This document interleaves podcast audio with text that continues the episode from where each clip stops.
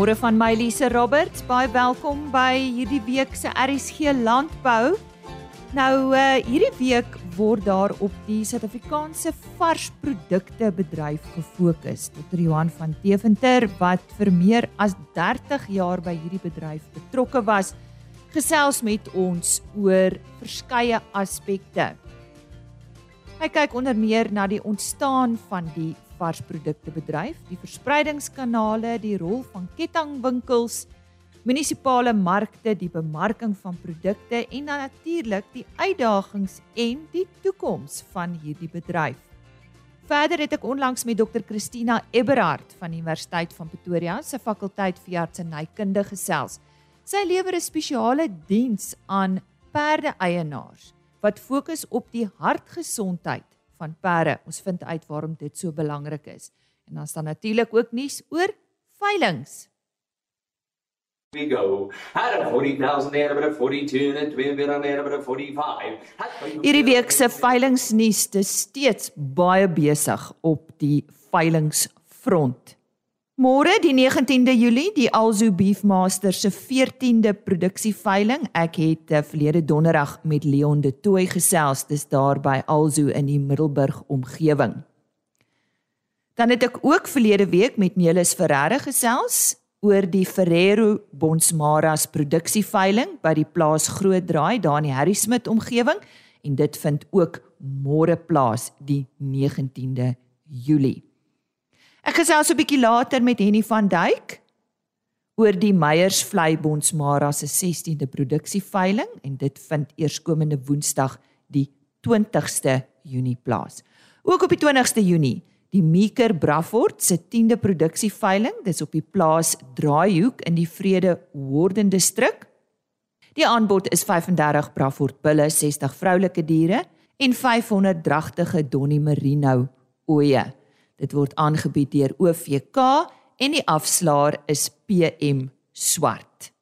Op die 22ste Julie die Greendale Brangers produksieveiling. Dit is op die Mount Alice plaas daar in die Winterton KwaZulu-Natal omgewing. Die aanbod is 45 Brangers bulle en 120 verse. Nog 'n veiling op 22 Julie, die Dikkie Brahman Farming se 10de produksieveiling en ek het al met Miles Dikkie hoor gesels. Dit is by Idlewild Plaas daar in die Kaimond omgewing in die Oos-Kaap. En dit is dan hierdie week se veilingsnuus. Volgende week maak ek weer so. Daar's ook 'n paar nasionale veilings wat eersdaags plaasvind en eerskomende Woensdag gesels ek met Freddie Wasserval oor die SA Sharelain nasionale veiling en hierdie veiling vind eers op 19 Augustus plaas.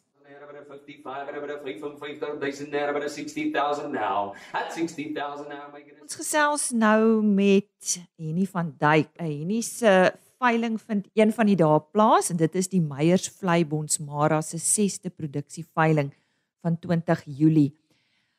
Uh, Henny, môre, welkom by RSG Landbou. Sê eers vir my, uh, wie is Meyers Vleibonds Maras. Vertel ons bietjie van julle. Môre Elise, ja, dankie vir die voorreg. Ehm um, ja, Meyers Vlei, ons het in 2001 het ek die plaas Meyers Vlei in die Standerton distrik gekoop. Ek was daai tyd nog ehm, 'n um, deeltydse boer eintlik en het uh, in 'n petrochemiese maatskappy gewerk. En tot 2 jaar terug So die kudde het stadig begin bereken, maar ons was geseënd met die groei daarvan. In 2002 het ons ons eerste Bonsmara beeste gekoop en het besluit met die ras wil ons die pad te stap. Ek dink ons almal weet Bonsmara is bekend vir sy besonderse temperament, kalwings gemaak en groei kragtig en uitstekende aanpasbaarheid. En dan uh, natuurlik vir my 'n uh, 'n baie belangrike punt is die ons Mara se teelbeleid en die hoë rasstandaarde. En dit verseker dat ons kopers 'n ingeligte keuse kan maak ten opsigte van hulle kudde se behoeftes. So ons het in 2009 toe besluit om die kudde te registreer as as 'n stoetery. En in 2011 het ons ons eerste bulle op Greilingstad. Dit was 'n ram bulle en ram veiling, alle rasse betrokke het ons ons eerste 4 billetjies aangebied. Dit was nogal jongerige billetjies, maar ons was baie opgewonde oor dit. Die jaar daarna het ons ehm um, die trofee toe gewen vir die hoogste prys vir vir die bil op die veiling, die dag se veiling, 'n baie netjiese bil. Ehm um, ons het uh, heeltyd ehm um, maar so ehm um, by al die verskillende saam met groepsveilings deelgeneem. In 2017 het ons toe nou besluit nou is dit tyd om ons eie veiling te hou. En ehm um, ons het toe nou besluit ons gaan ons eie veiling aanbied en dit was aan 28 bulle 2017. Ek gaan sê dit het ons gegroei en deur die genade elke jaar van krag tot krag gegaan en met my seun wat dan nou deel van die kudde het ons 'n plaas op naby Sekunda vlakspruit is hy betrokke daar hy bestuur daai deel vir my en ons is hier naby Standerton. Ehm um, ons produksie veiling is vir ons 'n jaarlikse hoogtepunt. Dis die lekkerste om met die teelers persoonlik te ontmoet en elk in die dag saam te geniet. En wat is lekkerder om dan nou vir 'n teeler um 'n teelmateriaal aan te bied wat ek weet wat sy kudde kan verder vat. Dit is maar hoe ons dit sien op Meyersvlei. Jy sê jy's daar in die standaard ton omgewing. Hoe lyk die wêreld daar by julle tans? Ja, tans is 'n tipiese hoofveld winter, yskoue aande, strawe ryp en in die oggende mistig. Gelukkig dan word dit 'n lekker dag na die mis as die wind nie waai nie. Ehm um, ongelukkig ons wittergrasware is maar bietjie laag. Uh, ek, ons ek spot altyd en sê dis net net beter as uh, karton. Daarom moet ons baie staat maak op uh, ons paarkampe, ja. oesreste en natuurlik ons hooi wat ons maak en dan 'n 'n goeie lek vir die beeste om hierdie strawwe winters te kan deurstaan. Ja, nee, ek kan glo. Ek was self daar in die Ermelo omgewing vir 2 jaar, so ek kan getuig hoe koud dit daar by julle kan wees en nie. Sê vir my ja. hierdie veiling van 20 Julie, ehm um, wat is die aanbod en dalk so ietsie oor die diere? Ja, gister ons het hierdie jaar 52 geregistreerde stoetbulle en dan gaan 150 kommersiële vroulike diere op die veiling wees. En ek ons sien elke jaar die groei in die kwaliteit van die veilingsdiere. Ehm um, hierdie jaar is daar 4 kuddevaars en een waarvan lot 4 'n besonderse bil is wat 'n groot impak in ons kudde gemaak het. Ons het ons het sy oupa BBN 09176 2012 by Daniel SP Olivier daar in Vryheid omgewing gekoop mm. en diep spore in ons ehm um, kudde getrap. Die lot 4 is HVD 1886. Hy het 'n besonderse erfdwang en potensiële kopers is welkom om self te kyk hoe mooi sy nageslag is. Soos regtig opgewonde oor hom. En dan is daar 'n klomp seuns van verskillende van ons kuddevaars. Regtig 'n baie goeie aanbod hierdie jaar. Hmm. Waar vind julle veiling plaas en en wie bied dit vir julle aan hè nie? Ja, so op die plaas Meyersvlei in die Standerton distrik op die plaas self en ons ehm um, op Facebook kan hulle ons sien en dan op ehm um, BKB se um, Facebook is ook die koördinate en en elke um, in ons um, sosiale media is dit daarso die koördinate van die plaas. En daar's seker 'n aanlyn opsie ook? Daar's 'n aanlyn opsie sowel as dan nou die lewendige veiling en BKB hanteer ook die aanlyn veiling hmm. soos elke jaar is nou ons derde jaar aanlyn met hulle en hulle hanteer dit vir ons baie goed. Baie dankie. Net om jy af te sluit kontak besonderhede, daar's dalk voornemende kopers of teelers wat met jou wil gesels vooraf. Ja, hulle is enige tyd welkom om 'n afspraak te maak om te kom kyk na die diere. My ek sal my nommer en dalk my seun se nommer ook gee as hulle my nie in die hande kry nie, kan hulle my seun ook kontak. Goed. Ehm um, my nommer 082 901 6327 dan my seun is Johan van Duyk en hy is 076 511 6387 Ja, so sê Henny van Duyk, hy het vandag vir ons vertel van die Meyers Vlei Bonsmara se 6de produksie veiling. Soos hy gesê het, 20 Julie op die plaas Meyersvlei en kom ek herhaal net sy telefoonnommer. Henny van Dyk 082 901 6327. 'n Spesialis veearts aan die Universiteit van Pretoria se fakulteit veeartsenykunde, Dr. Christina Eberhard, het 'n unieke diens vir perde-eienaars geskep. Dit fokus op perdekardiologie, 'n omvattende evaluering vir perde met 'n hartmurmur of aritmie. Sy verduidelik waarom dit nodig is om hartsiektes by perde te adresseer.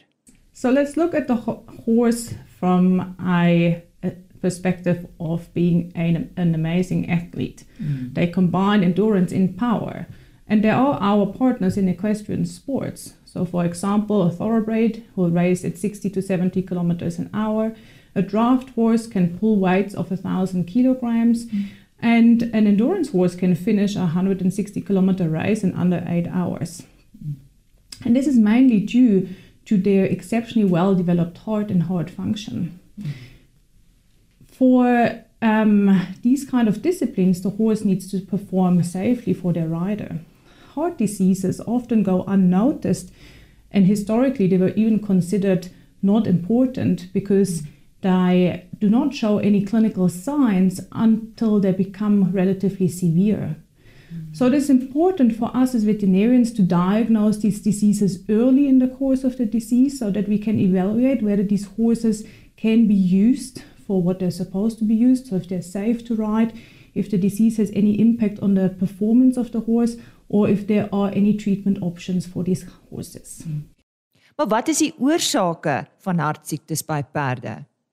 So there are two main findings that will indicate that the horse has a heart disease, and that is arrhythmias and heart murmurs. An arrhythmia is an irregular heartbeat. So in a normal, healthy heart, the heart beats regular and evenly. And then there are certain heart diseases like structural heart diseases, as well as diseases of the heart muscles or myocarditis, for example, and even diseases that do affect other organ systems that can cause arrhythmias in horses. Mm. And a heart murmur is a heart sound that we can hear in addition to the normal heart sound. And that is most commonly um, heard in horses that have valvular regurgitations. This means that the heart valves do not um, close tightly and then they start leaking. And depending on how much the leaks, on the severity of the disease, that can cause the heart to operate less efficiently. And um, also, the heart can become bigger over time. Mm-hmm. And this kind of disease can basically develop at any stage of a horse's life. And it is due to either degenerative abnormalities, so like when the heart valves become stiff with age, or um, with inflammation in mainly younger horses. Mm-hmm. So it is important that we look at these kind of diseases. In addition to that, we have congenital heart defects. So that means um, heart diseases that the horse is born with. En wat behels hierdie omvattende hartondersoek? So the comprehensive cardiac examination can easily be performed in the yard of the horse. Um, and we usually start by obtaining a thorough history of the horse. So questions related to their performance, what they're used for, and their general health are especially important. I will then perform a physical examination with a special focus on the cardiovascular system. And then there's two main specific examinations that can be or are usually performed, and that is an ECG examination mm-hmm and an ultrasound of the heart, exactly yes. like with humans. Mm. So with the ECG, that allows me to look at the heart rhythm of the horse. Of the horse, um, it often needs to be done during exercise or over a longer period of time. So, for example, over a 24-hour period of time.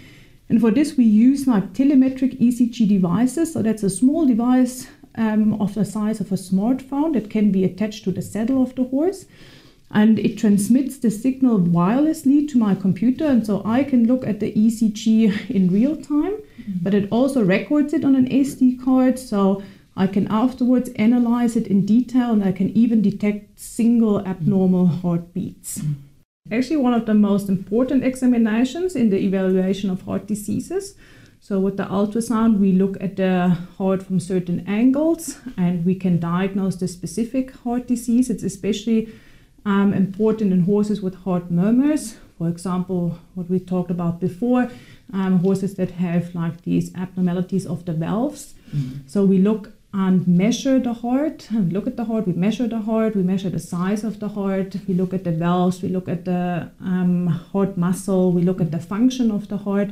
and that will allow me to make a specific diagnosis. We do have a very specific ultrasound machine for that. It's actually an ultrasound machine that human cardiologists use to make a um, diagnosis in people with um, heart diseases, and it has like some additional features in comparison to the normal ultrasound machines we use in veterinary medicine. And that allows me to even see small changes mm-hmm. of the heart. En wat is die volgende stap nadat 'n perd wel met 'n hartsiekte gediagnoseer is? So once we made our specific diagnosis, obviously we will have to see if there is a treatment option. In a lot of heart diseases, unfortunately, we do not have treatment options. So then we have to answer several questions like Is the horse safe to ride? Do we think that the heart disease has any impact on the performance or the quality of life? Do we think there's any progression? Mm. So, for example, if we diagnose a mild heart disease, it is very likely that this doesn't have an effect. The horse can perform normally and is safe to ride. then these horses, I usually recommend that the veterinarian comes once a year and listens to the heart and screens if there's any changes.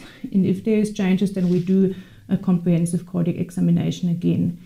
If we diagnose diseases that's more moderate to severe and grading, then um, we need to monitor these horses very closely for progression. So then I usually recommend that once a year we perform this complete examination.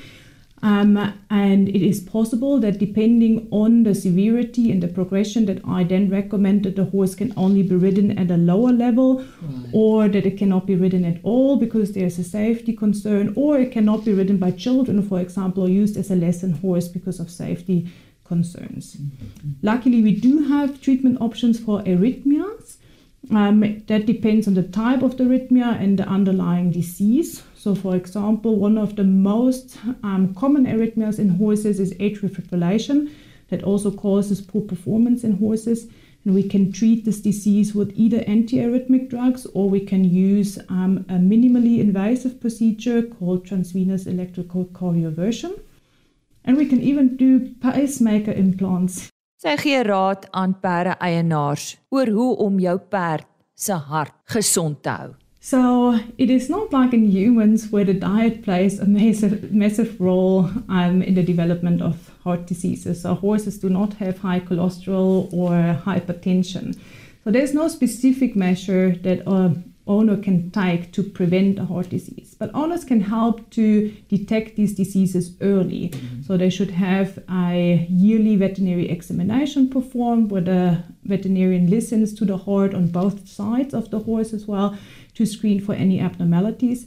And if there's any concern in regards to the performance of the horse, so if the, the horse is not performing well or it um, has prolonged recovery after exercise, or um, it is fatigued easily and it has shortness of breath, then these horses might have heart diseases and then they should also be examined early in the disease. En so sê Dr Christina Eberhard, sy is 'n spesialis by die Universiteit van Pretoria se veterinêre fakulteit en sy het gesels oor 'n kardiologie diens wat sy vir perde ontwikkel het. Die varsproduktebedryf speel 'n kardinale rol in die landbouwaardeketting. Markte wat landbouprodukte verkoop, is al duisende jare by die mensdom. Die varsproduktemarkte in Suid-Afrika het 'n geskiedenis wat dateer uit die vroeë setlaars in die Kaap. Hulle het mettertyd aangepas en verander, maar die fundamentele rede vir hul bestaan het nog nooit verander nie. Dit wil sê waar vraag en aanbod voldoen om 'n waarde vir 'n produk te vestig sodat 'n verkoop gedoen kan word. Dan het ons die kleiner rolspelers gehad. Ek kan onthou hoe my ouma se groenteman weekliks voor haar deur gestop het. Sy het uitgestap met haar mandjie en gekoop wat sy vir die week benodig. En so is daar baie stories om te vertel oor die koop en die verkoop van varsprodukte in Suid-Afrika. Ons fokus hierdie week op RC Landbou op die varsprodukte bedryf saam met Dr Johan van Tewenter. 'n Man wat al meer as 30 jaar deel is van hierdie bedryf. Voormalige hoof van Freshmark wat die verkrygingsarm van die Checkers Shoprite groep is vir bykans 3000 winkels in Suid-Afrika en 14 ander Afrika lande. Hy was ook voorheen adjunkdirekteur by die Johannesburgse varsprodukte mark. Goeiemôre Lisa en ons luisteraars. Baie dankie vir die voorreg om iets te sê oor die varsprodukte markte en die bedryf. Ons is nou nie altyd so in die kalklig nie, maar uh, kom ons probeer ons bes. Ehm uh, ons gaan 'n bietjie breër ook gesels oor die stand in die varsprodukte bedryf in Suid-Afrika en ons praat natuurlik maar hoofsaaklik oor bemarking en van groente en vrugte. In hierdie eerste praatjie so 'n bietjie oor die geskiedenis van markte en waar kom dit vandaan? En uh, ek was nogal uh, gierig om te leer oor ekonomiese geskiedenis en uh, ek onthou nog mooi dat selfs in die ou wêreldgeskiedenis en voor die industriële revolusie is markte reeds opgeteken. En dit is die plek waar daar gehandel is met produkte en dit was selfs nog voor geld bestaan het. Uh, dit is ongelooflik as mens so daaroor dink dat daar nie iets soos geld was nie. En dit was suiwer die uitruil van produkte, my aardappels vir jou twee hoenders en dit het alles daar op die dorpsplein of in die stadsplein plaasgevind en geen wonder in Suid-Afrika baie dorpe het nog steeds 'n plein straat en ek wonder of ons nou al gedink het waar kom dit vandaan. Ehm uh, en dit het so oor 'n naweek plaasgevind en ek dink dit was baie prettig jou twee hoenders vir my een sakkie aardappels uh of so iets en dit was glo prettig en uh baie huweliksmaats is dan ook ontmoet op die mark so die dit het baie gestrek as groente en vrugte nou die beginsel hier ter sprake om suksesvol te wees uh bedoelende om pryse te bepaal moet daar baie aanbieders wees en daar moet baie kopers wees. En dit word ook so gemeld deur Adam Smith in sy boek Wealth of Nations. Uh so jy het of die vrye mark wat ons gelukkig in Suid-Afrika het op ons markte of jy het regulering uh wat daar was in die in die ou dae toe ons nog die baie bemarkingsrade gehad het. Nou ons het 'n uh, ons is 'n hele end verder in die pad af. En gelukkig ons varsprodukte markte was nooit onder enige wetlike prysmaking of prysvorming nie. Dit was vraag en aanbod en vraag en aanbod en dit het die prys gemaak. Ehm um, ja, as mens nou sê uh jou twee hoenders vir my sakkie aardappels dan wonder 'n mens met die nuutste dieselprys is dit seker amper twee skape om een uh tank diesel te maak vir jou bakkie en dan moet dit ook maar nog nog 'n klein bakkie amper wees. Nou, nou ja, varsprodukte varsprodukte markte so ontstaan wêreldwyd is ook hier in Suid-Afrika maar soortgelyk. Uh dit is maar presies dieselfde. Die beginsels is dieselfde. Johan, in die begin het die markte heelwat verskil van dit wat ons vandag ken. Hier by ons eerstens het die boere maar self, ek het nou die dag die geskiedenis van die ou Johannesburg mark uh, hier iewers raak gelees. Het die boere self ingekom dorp toe uh of stad toe Johannesburg toe met die vreeslike myne wat daar was en hulle het self hulle produk kom verkoop op 'n area wat die stadsraad vir hulle toegestaan het en dan het die verbruikers en die hotelle en wie ever uh, in die bedryf is dit kom uitsoek en daar's gekibbel oor die pryse en daar's gekoop en daar's gekuier. Nou die band tussen die verbruiker en die produsent hier was baie nou en hulle het mekaar geken en dit is iets wat handelsmerke toe nou later sou vervang. Dinge het egter ontwikkel. Ehm uh, en tyd het 'n kwessie geword vir almal. Die boer wil boer en het nie meer die tyd gehad om self nou met die trok in te ry dorp toe om sy produkte gaan verkoop nie. En die verbruiker het al meer gejaag geword, ken ons dit nie maar self goed nie en het nie meer die tyd om ure te bestee om nou ehm um, sy goed te gaan uitsoek uh, daar tussen al die vragmotors en die dinge nie. En toe het een stop aankope soos by die kettingwinkels dit vervang en nou word dit nog vinniger en ons is besig om te beweeg na aanlyn aankope toe. Maar in die proses dink ek verloor ons ons wortels uh bedoelende van waar kom goed nou eintlik vandaan en die plaasgevoel en markagente het toe nou in die prentjie gekom om namens die boer op te tree uh op so 'n sentrale punt van verhandeling wat dan nou vandag bekend staan as ons varsprodukte markte. Ja, dit dit is die die aanloop markagente bestaan dan vandag nog op ons varsprodukte markte. Ons het 49 geregistreerde markagente op ons markte en uh, hulle word beheer deur APEC uh, wat staan vir verskoon maar die Engels Agricultural Produce Agents Council. Nou ons gaan later meer oor hulle gesels Lisa maar danksy hulle dink ek het ons nog regtig ons markte uh oor vandag uh omdat daar 'n mate van regtig wet en orde daarom is en agente nie kan maak soos wat hulle regtig wil nie. Hierdie agente op ons markte speel 'n ongelooflike belangrike rol want dit is eintlik hulle wat die transaksies doen en hulle kry hulle inkomste by die produsent en hulle vat tussen 5 en 7.5%. Dit is natuurlik onhandelbaar van die produsent af en hulle tree namens hom op om dan te verkoop. Dis nou die markte, maar wat van die handelskant? Uh dit is ook deur 'n metamorfose en dit is so ongelukkig dat die tradisionele Portugees en Griek is eintlik vervang vandag deur hoofsaaklik die kettingwinkels. Ek dink die Portugees en die Griek was 'n baie persoonlike verhouding wat daar was, weer eens tussen daar waar jy dit aangekoop het, ek onthou maar my kinderdae, jou ouma en jou oupa en almal by die naam geken. En kettingwinkels vandag het dit vervang en dit is dink ek baie keer uh onpersoonlik. Hulle doen seker nog steeds 'n goeie werk want ek kom uit daai kraal uit so. En wat van die informele sektor? Is vandag die grootste enkel aankoper groep op ons markte. En dan het ons die kettingwinkels wat ons nou genoem het en die verkies om nie op die mark te koop nie. Uh en ons gaan later die redes daarvoor gee in 'n in 'n apart praatjie op sy eie. So ek kan vandag afsluit deur te sê dit wat ek nou alles gesê het maak tog of het tot gevolg dat die kragte van vraag en aanbod op ons markte steeds daar is en selfs in die bedryf weier as net die markte. En dit bepaal elke dag nog steeds die prys van die produk en dis tog vir die produsent en die koper baie belangrik. Die een moet handel dryf en die ander een moet besluit om plant of om nie te plant nie.